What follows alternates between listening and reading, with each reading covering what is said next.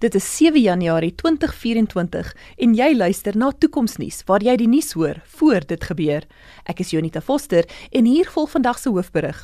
Philly Gully, die land se rykste filmster, het gister 'n video op haar sosiale media platform geplaas waarin sy 'n luukse koswinkel daarvan beskuldig dat 'n skuiwergat in hul sekuriteitstelsels haar 10 duisende rande gekos het. Mevrou Gully het gesê dat sy gewoond is aan 'n hoë bedrag wat elke maand deur die winkel afgetrek word omdat sy gereeld onthaal. Sy het egter onraad vermoed toe sy sien dat die winkel 'n groot bedrag van haar rekening verhaal het gedurende 'n maand wat sy in Japan op 'n filmstel was en geen aankope gemaak het nie. 'n Ondersoek deur die winkel het gevind dat 'n kuberkraker 'n masker van mevrou Gully gebruik het om die gesigherkenning sagte ware wat tydens betaling by die winkel gebruik word te vnuik. Pieter Geldenhuys is saam met my in die ateljee om te verduidelik wat presies hier gebeur het. Hallo Pieter. Hallo Unita. Pieter, herinner ons net so vinnig aan die verskywings wat wat plaasgevind het van kontant aankope na kaartgebaseerde aankope en dit wat ons vandag algemeen in winkels sien. Daar's 'n tamelike groot revolusie wat die laaste paar dekades in winkels gebeur het. Ons weet almal van streepieskode wat dit baie makliker gemaak het om aankope te doen en baie vinniger ehm um, te kan betaal daarvoor. En dan sien ons dat in plekke soos in Tesco in die Verenigde Koninkryke kon jy dan soos jy in die winkel instap kon jy alles skandeer wat jy binne in jou trolly sit. Nou die skandering het eerstens gekyk na die gewig van die produk en ook waar jy in die winkel jy die produk geskandeer het. En dan stap jy eenvoudig deur en jy sit jou skandeerder in en uh, hulle bepaal dan outomaties wat die produk is wat jy moet koop deur twee na twee dinge te kyk. Eerstens die prys van al die produkte en tweedens of die gewig van alles wat jy gekoop het soortgelyk is aan dit wat jy geskandeer het. En daarom kon jy dan uh, 'n uh, mate van beheer toepas sodat jy jou eie produkte kan skandeer en jy baie vinnig daarvoor betaal. En dit was van die groot um, revolusies wat ons in winkels gesien het buite natuurlik dit waar jy dit aanlyn koop en waar hulle dit aflewer by jou huis. Hoe werk die winkels dan nou wat mense toelaat om produkte te koop sonder om in 'n ry te staan by 'n teller en fisies daarvoor te betaal?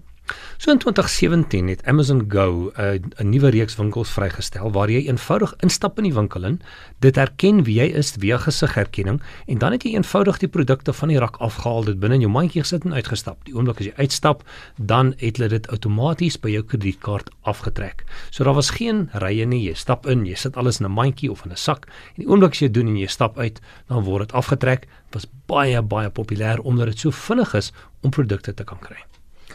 Hoe werk hierdie gesigsherkenning tegnologie um, wat dit moontlik maak? Wel, kameras kyk eerstens na jou gesig of dit 'n gesig is of nie van al die beeldmateriaal wat dit inkry. En nadat dit jou gesig het, is daar 'n paar algoritmes wat dit dan gebruik om te kyk na skadu's en die lyne op jou gesig, 'n hele paar algoritmes wat hulle bo op mekaar gebruik om dan 'n persoon uniek te identifiseer. En dan as identifikasie daar is, dan weet hulle hierdie persoon het hierdie produk gekoop en ook wat is die kredietkaart wie aan hierdie persoon gekoppel is voordat die bedrag natuurlik afgetrek is. So, hoe is die kameras? Dit klink vir my na vreeslike gevorderde gesofistikeerde tegnologie, maar hoe is die kameras gevlous om die verkeerde persoon te identifiseer? Hoe het hierdie kuberkraker weggekom daarmee? Klaar blyk dit link klink dit asof hierdie kuberkraker by die maatskappy gewerk het wat eintlik hierdie gesigherkenning doen. Sy het byvoorbeeld uh ingegaan en met 'n 3D drukker 'n hele paar maskers uitgedruk. En en keer op keer probeer om te kyk of hierdie masker wel die kamera sou flous en met haar kundigheid het sy natuurlik agtergekom presies watter masker om te druk na 'n paar kere. En in New York dan jy daar stap jy rond met 'n gorilla soet, niemand dink dit snaaks nie. En sy het maar met hierdie masker in die winkel gestap. En die rekenaar het dit eintlik herken as hierdie populêre rolprentster. En sy het heerlik aangegaan en 'n klomp produkte gekoop en natuurlik uitgestap uh, met al hierdie produkte met die wete dat sy glad nie daarvoor hoef te betaal nie. En dit is eintlik wat gebeur het waar sy uh, 'n masker na 'n paar keer se oefening gedruk het. Nou vir meeste van ons as ons die persoon sou sien, sal ons sien sy het 'n masker aan, maar ek dink hierdie rond het sy die kamera geflous. Dankie Pieter.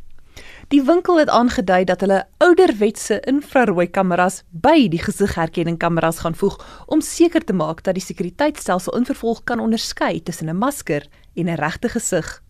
Dit was Pieter Geldenhuys en Jonita Foster vir Toekomsnuus waar ons die moontlikhede van die toekoms ondersoek.